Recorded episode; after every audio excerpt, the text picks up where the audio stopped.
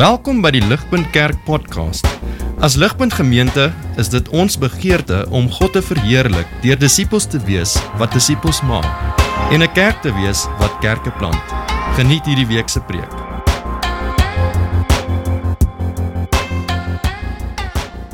Listen, I don't know, I, I don't know about you, but do you have things in your life that you would say, I believe in it, but do you really live it? That you say, I, I believe in this, but do you really live it? And so for me, recently it's been uh, getting older. And so I turned 39 this year. And uh, though, I, I, as you can see, I still do have my metric body.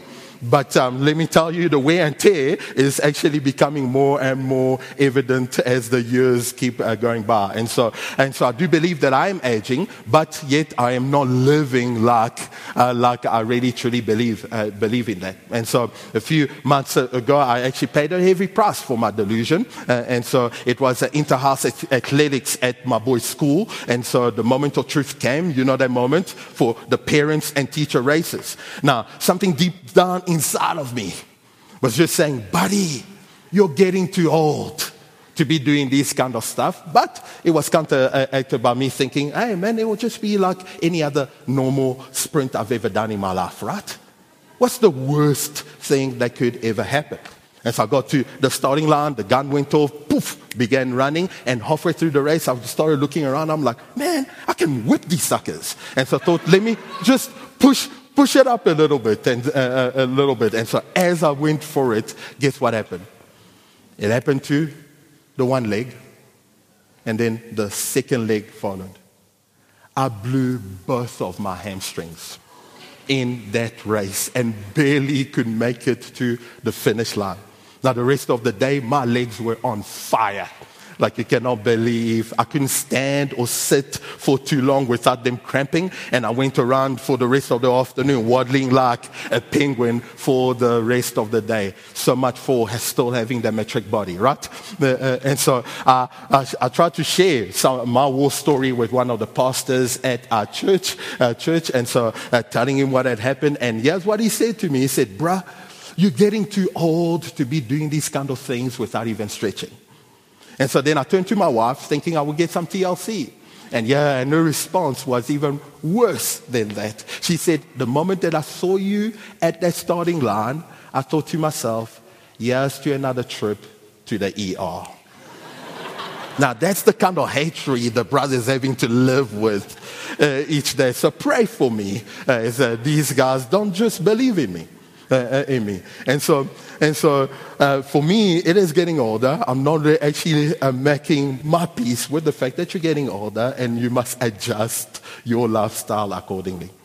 Now, it's not, I'm sure that you might, as you think about your own life, that you also would have some silly examples of where you would say, Yeah, I believe in that. And yet, do you really live like you believe in it? And so for you, maybe it might be around certain foods that you say that you want to cut out, out of your diet. But if I were to come to your house later, open up that pantry, open up that fridge, guess what I will find, right? Now, it's not only in the silly stuff, uh, stuff or lot stuff or life where we can observe this reality about ourselves, right?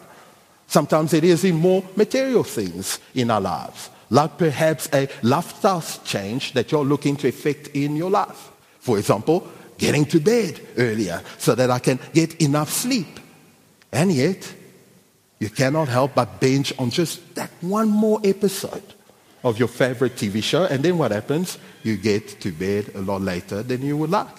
Or perhaps it's more serious than even that. Maybe for you, it is a particular character flaw that you are wanting to address, or a particular addiction that you're feeling trapped by. You know that change in that particular area is needed. And yet, you cannot seem to be able to act otherwise. And so we all have things in our lives, right? Where we will say, I do believe in it. But do you really live like you believe in it? The text that we have had read to us this morning, and I'm also so deeply appreciative to your worship team for all the songs that they have played because it really captures one of the themes that uh, uh, uh, the, the theme, the pro, uh, primary theme in the text that we have had read for us today. A topic that I have no doubt that many of us Christians would say, I believe in it. But do you really live like you believe in it? And so, what is that theme? From 1 Peter chapter 4.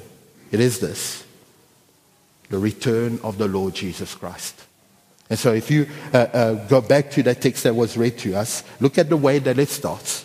Uh, it starts at verse 7 around the focal point of this particular text, and it is this that the end of all things is at hand.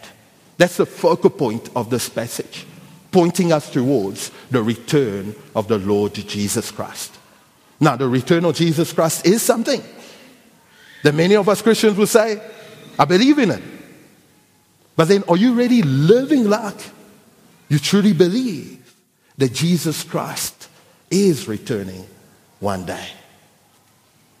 And so, from this text, as we all unpack it, the Apostle Peter wants to urge us, wants to encourage us to be people that if you believe in it, then live it. If you truly believe in the return of the Lord Jesus Christ, then live like you believe in it.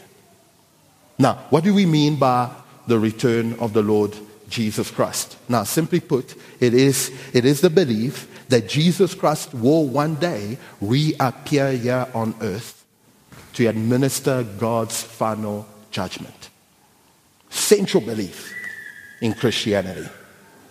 However, across millennia, Christians have actually differed on their uh, uh, views around the return of Christ from the scriptures. Uh, scriptures. And so you'll get lots of different views, lots of different camps as to what will be the timing and sequences of events uh, uh, uh pertaining to Christ's return. And yet, when it comes to uh, passages of scriptures or certain aspects of doctrine that may be actually contested or, or not, not so, uh, so clear, or where, where things are clearly unclear for us in the text, like where uh, uh, matters that pertains to the return of Jesus Christ, then our approach to such matters of doctrine or scriptures should be to actually remain humble and then focus on the things that we can know, on the things that we can be clear about. As a Bible scholar, an Old Testament Bible scholar, Tremper Longman, offers us this caution when it comes to the, uh, uh, the return of Christ. I don't have my notes up yet, so I'll read it from here. He says this It is difficult to find a topic on which Christians are more divided. Frequently, people studying eschatology, that is the end times, at the end times signaling the return of Jesus Christ, fall into two, uh, one or two opposite traps unwarranted dogmatism. That is, that you're being so spe- specific and particular about, about this particular thing, even though the scriptures are not as clear on the subject as you would uh, want to, to believe, or simple avoidance. That is, then we shy away from end time matters. Why? Because they're just difficult, because there are certain difficult passages, uh, passages and matters around it, and so we don't touch it. And so this morning, without us falling into uh, uh, uh, uh some kind of dogmatism around the return of Christ or us simply avoiding it, what can we say this morning without a doubt around the return of Jesus Christ, upon which most Christians can agree on? It is this that the return of Christ is an imminent reality that the return of Jesus Christ is an imminent reality. Yes, the ESV study Bible, as they were commenting around verse 7, actually puts it, uh, puts it to try to describe what we mean by being an imminent reality. It says this the end of all things is at hand, does not mean that Peter was expecting Christ to return in a few weeks or months, and so neither should we. Right? It means, rather, that all the major events in God's great salvation plan, culminating in the death, resurrection, and ascension of Christ, and the outpouring of the Spirit at Pentecost, had already occurred. Therefore, Christ's return could happen at any time.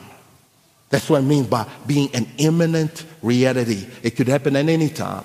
It was at hand in Peter's day, and it is still today.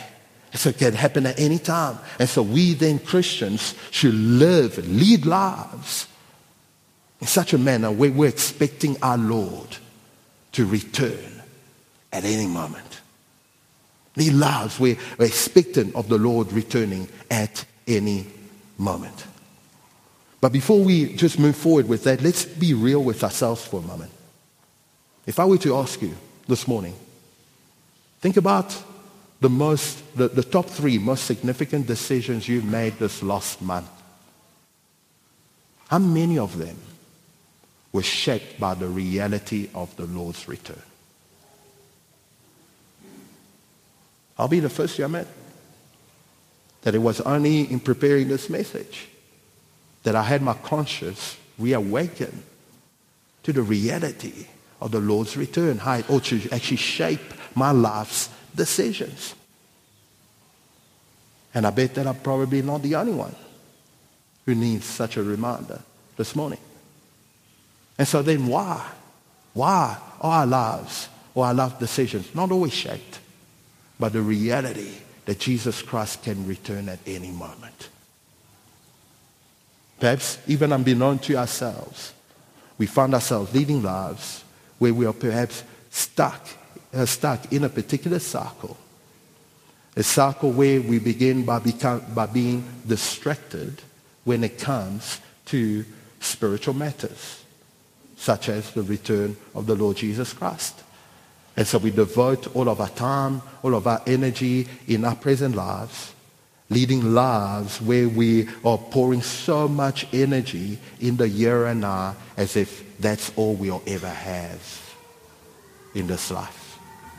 And so they're distracted on spiritual matters. It can then lead us to becoming disappointed regarding spiritual matters, disappointed about even the return of the Lord Jesus Christ.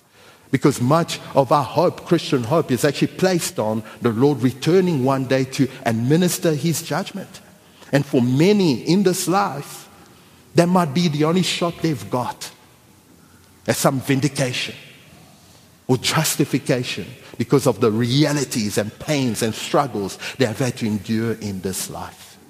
And so the longer we have to wait for the Lord to return, the longer it means that we have to navigate our lives under the injustices and evils of this world, then leaving us somewhat disappointed as to why, oh Lord, are you tarrying to come and make things right? And so if we allow then our disappointment to fester, it then leads us to then becoming disillusioned. Disillusioned regarding spiritual matters, disillusioned about the return of the Lord. And so our hope in the triumphant returning Lord can then end up becoming nothing but just pie in the sky. And perhaps it is our uncertainty as to when the Lord will return that then leads us to then just pour all of our energies into the here and now, into our lives here. Because if you doubt whether the Lord will return, then making your present life better is then all that you can hope for, right? And so then what happens? The cycle starts off again, where we're distracted and becoming disappointed and then being filled with disillusion around spiritual matters and the return of our Lord. And so, friends, if you want the return of the Lord Jesus Christ to actually matter in your day to day, to live like you believe it, then you've got to start by asking yourself, what is beyond your lack of responsiveness when it comes to the return of the Lord Jesus Christ in the decisions which you make in life? Are you perhaps distracted, disappointed? or even disillusioned when it comes to the return of our Lord. Let's start by asking God to reawaken within you a passion, a zeal that longs for the return of the Lord one day. So that you will lead a life shaped by the reality that He is coming again. And oh, what a day that will be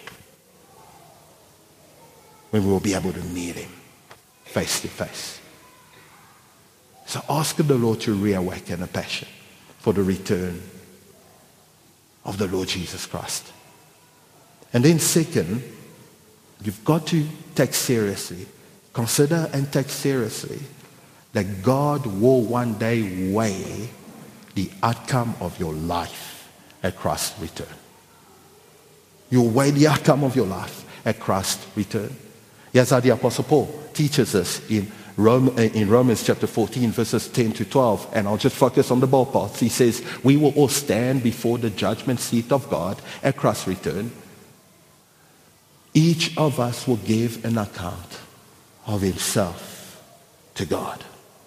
We'll stand before the judgment seat of God, and we will each have to give an account of our lives to God one day when Jesus Christ returns.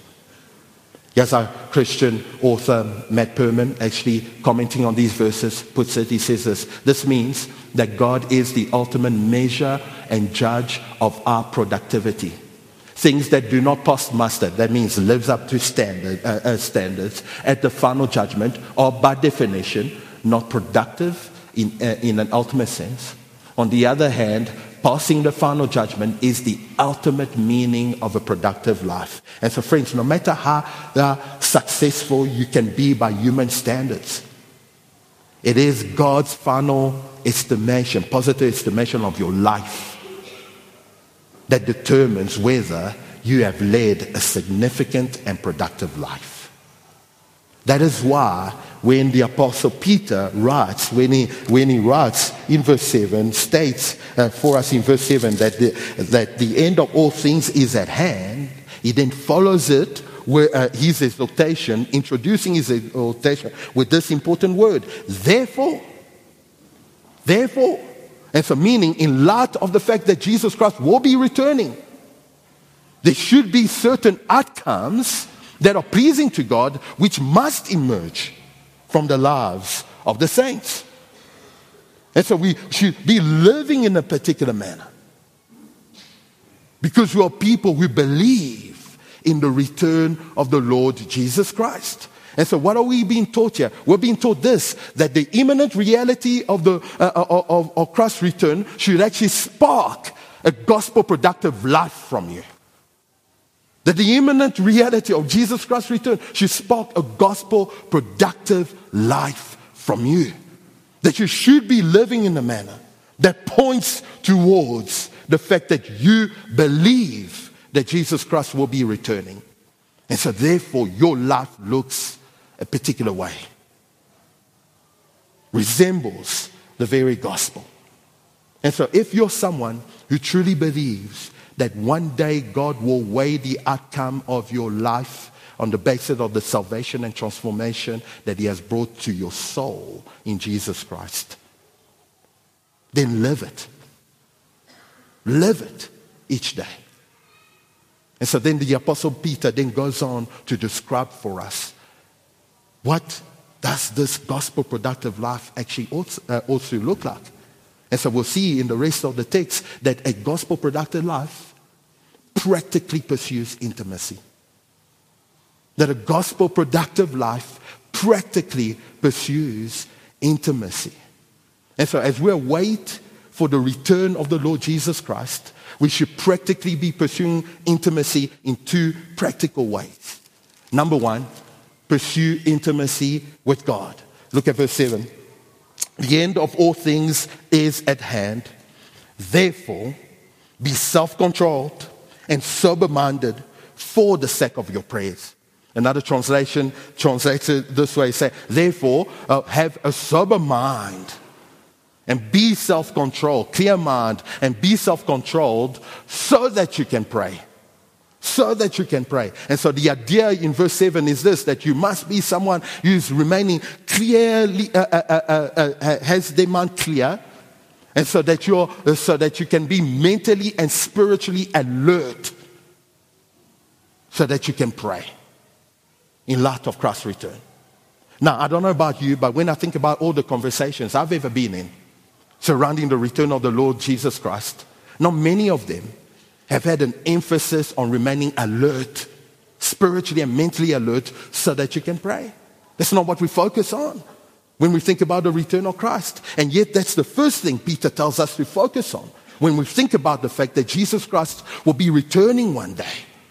That we ought to be practically pursuing intimacy with God through prayer as we wait for our Lord's return. That's what we should be doing as a people who truly believe that the Lord Jesus Christ will be coming back. And the fact that Peter doesn't go on then to list for us what we should be particularly praying for, what is he doing? He's inviting us. He's inviting us to be uh, uh, fervent in prayer over particular circumstances and people as we wait for the Lord Jesus Christ. And so you should be praying, wearing out your knees before God as you long for Christ Jesus to return. And so practically pursuing intimacy with God as you wait for Christ. The second thing we ought to do as we wait for Christ is to practically pursue intimacy with one another with one another as we await for the Lord's return. That's verses 8 to 11. Look at it. Above all, keep loving one another earnestly, since love covers a multitude of sins. Now, for Peter's original hearers who were undergoing persecution, when they would have heard, heard of, of, of, this fact, this reality that the Lord Jesus Christ will return one day so as to administer God's judgment, it would have been deeply comforting for them because of the, uh, uh, uh, their circumstances and persecution that they were undergoing. But here's the thing, though, friends. If you're drawing great comfort at the reality that Jesus Christ will one day come back so as to administer God's judgment over the world, then surely, surely it should lead you to at least consider whether your own conduct will be deemed favorable when Jesus Christ returns. How can you be longing for Jesus Christ to come back and execute judgment and not think about for a minute, wait a minute, will he judge me harshly because of my own conduct? As I look to lead, lead a life in this world. And so then what are we being encouraged to do by the Apostle Peter? We're being encouraged to be the kind of people who lead lives that are characterized by the love and forgiveness of our returning Lord. And so, where sin looks to cause enmity among us, break down relationships, we should be a people who lead in love and forgiveness within the Christian community. Why? Because we believe that love and forgiveness characterizes our Lord. So we live in that way. And so we're being urged by the Apostle Peter to have love, to have forgiveness, characterize the Christian community we're part of if we truly believe in the Lord Jesus Christ returning. Because imagine this how tragic would it be? How tragic would it be that on the day that you hope to receive the fullness of what you have you or what you believe has been your portion at the cross of Jesus Christ. The forgiveness and love that you believe is in store for you because of the gospel. How tragic then would it be that Jesus Christ will return on that day and find you still harboring bitterness towards your brothers and sisters in Christ? How tragic would it be? That brother or that sister whom Jesus Christ himself has already forgiven at his cross for what they have done towards you. And yet you're still clinging on to that bitterness, that anger, that hurt towards them. May it never be if we truly believe in the returning Lord. And so then we're being encouraged to be a people that strive within our Christian community to let love and forgiveness reign. Not gossip or slander or bitterness towards one another. But love and forgiveness that looks to restore relationships to one another. That's what we're called to do. Jesus Christ himself said, if a brother or sister has sinned against you, what do you do? You got speak to them about that, that hurt, that pain. You don't speak to others about them, but you go and you speak and engage them in love and forgiveness of the cross. You don't hold back. You don't slander or gossip about what they've done towards you, but you seek to restore. You seek to forgive. Why? Because you believe that one day the same kind of love, the same kind of forgiveness is what we are longing for to fully see actualized when Christ Jesus returns and accepts us in love and forgiveness. And so then, friends, look, but don't be a people. Don't be a people who would, who would not take the responsibility that is yours in the gospel to actually move to restore relationship when hurt and pain has been caused. Take the responsibility to address those issues. And also, you don't allow yourself to become some kind of pit stop for other people's issues. Man, if you have a problem with a brother or sister in Christ, don't speak to me about it, but go speak to them. Do you need me to go and mediate between you? That should be our response. Instead of us just allowing these things to fester. You look with earnest love to actually restore, to actually allow for forgiveness and love to reign among you. That's what we're being called to. Verse 9 show hospitality to one another without grumbling. And so, what can be a, a, a clear mark of our earnest love for one another if not that we're prepared to allow each other into the intimate spaces of our homes? That spells earnest love within the believing community. And so, as a people who long for Jesus Christ to return one day, what should characterize us, what should be a hallmark of our conduct, is how hospitable we're being towards one another. Why? Because by our hospitality, we are declaring the kind of acceptance we believe that Jesus Christ would greet us with one day. That's why we've been hospitable to others because we believe that Christ Jesus will receive us, has already received us. And so we receive others in that way. That's what we extend hospitality. And so, from what I believe has happened in Ligpunt this year, you're actually focusing on community this year. Friends, let me tell you, that is so important to do. Why? Because that is one way as to how you can live out the calling in Scripture.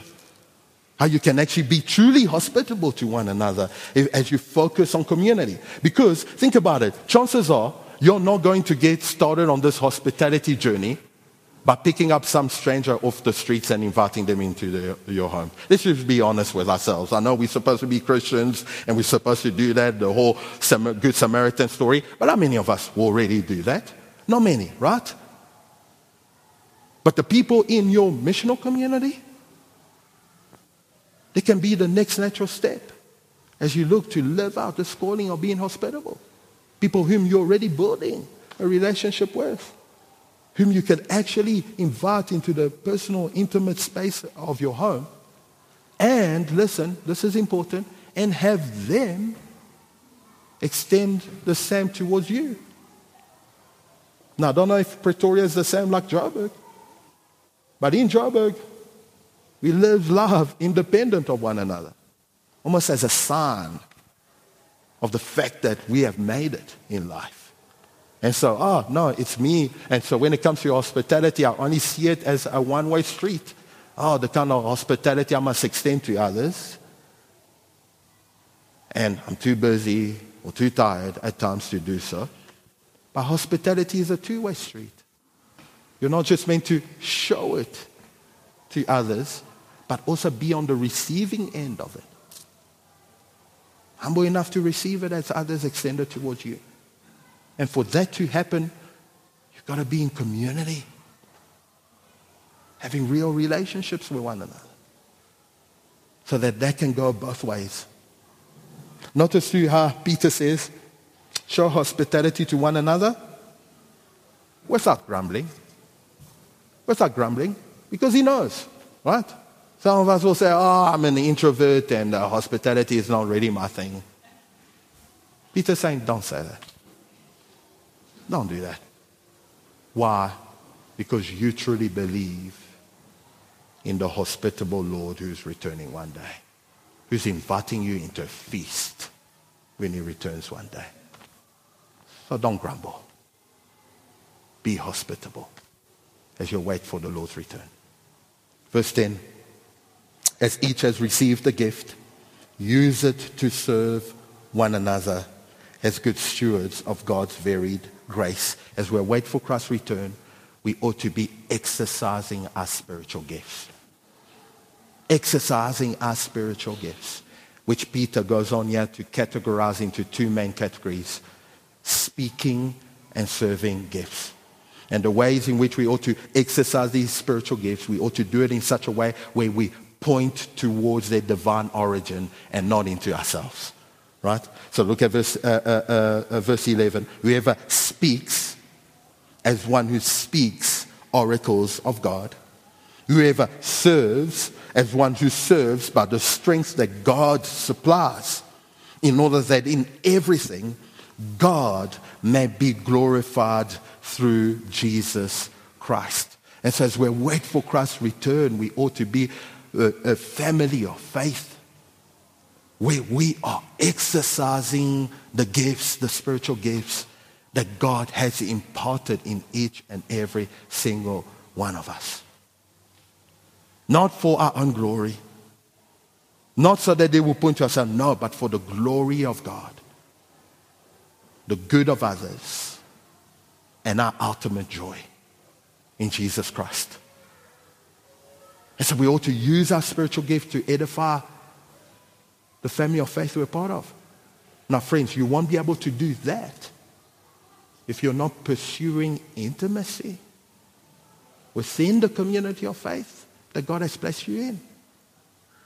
You won't be able to exercise those gifts unless you press into community, as you pursue intimacy with brothers and sisters in Christ so that together you may be edified and built up as one. Listen, if Ligpunt is your local church and your local family of faith, then that means, brother, sister in Christ, that you ought to actually be leaning into this family of faith.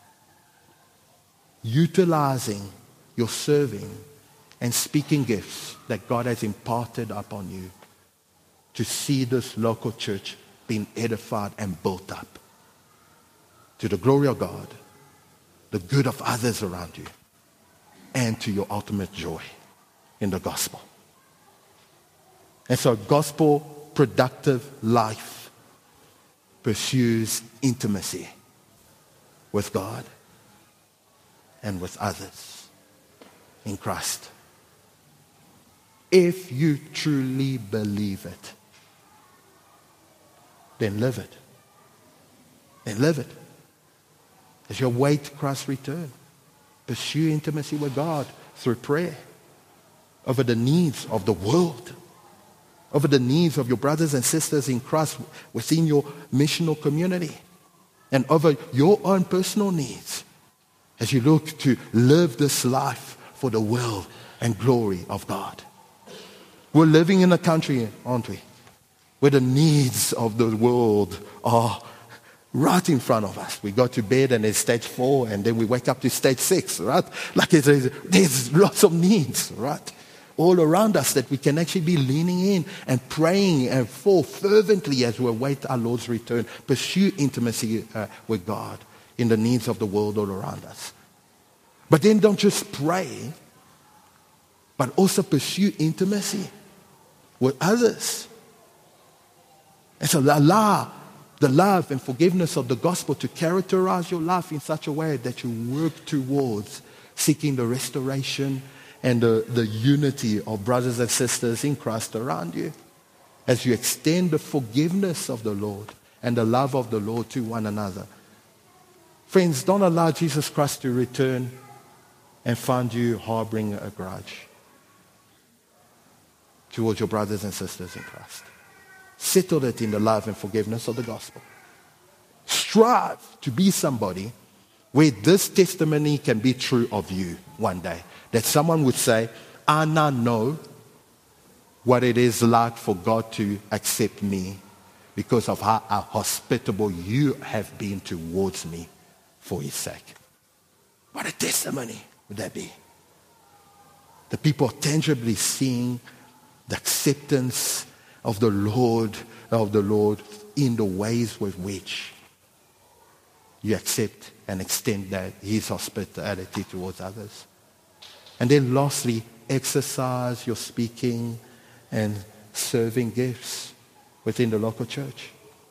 The local church will not bring God great glory because of how many most people can fill these seats here among us today.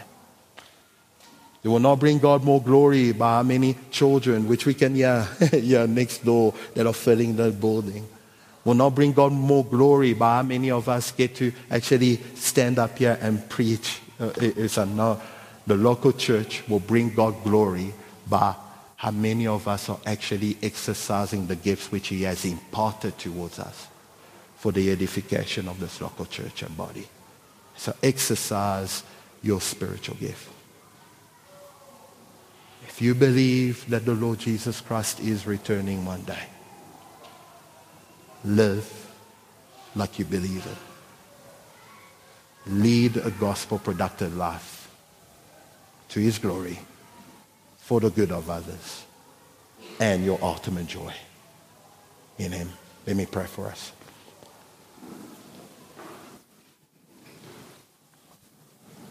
Father, left to ourselves, we could not imagine or even come up with such a call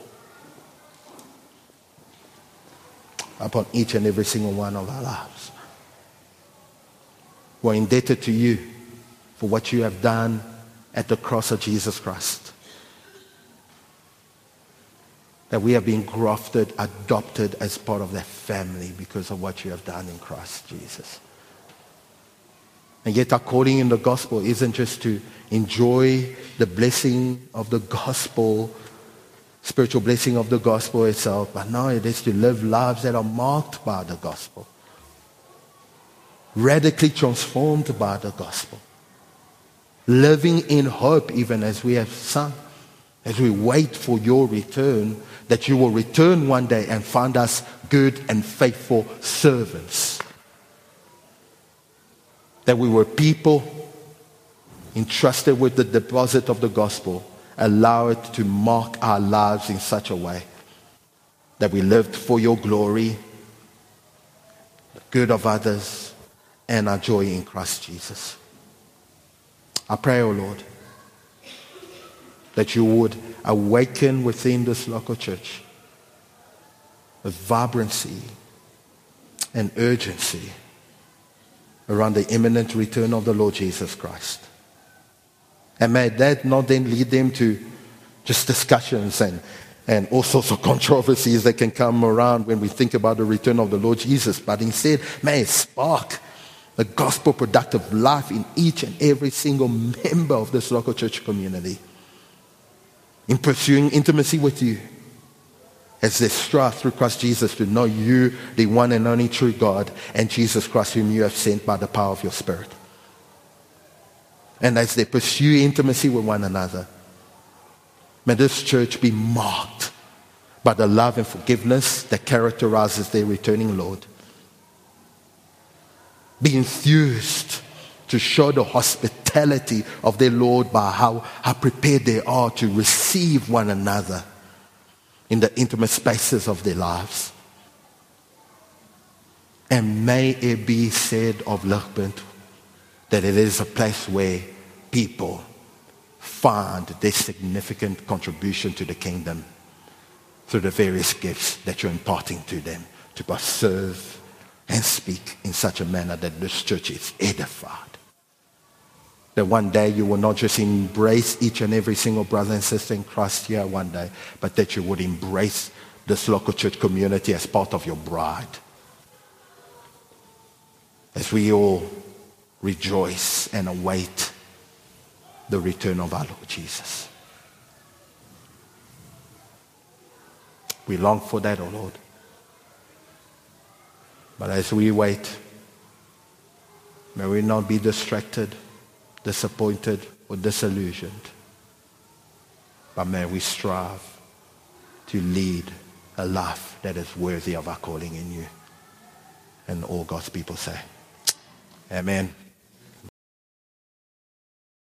Vir meer inligting oor Ligpunt Kerk, besoek gerus ons webwerf op www.ligpunt.com of kontak ons gerus by info@ligpunt.com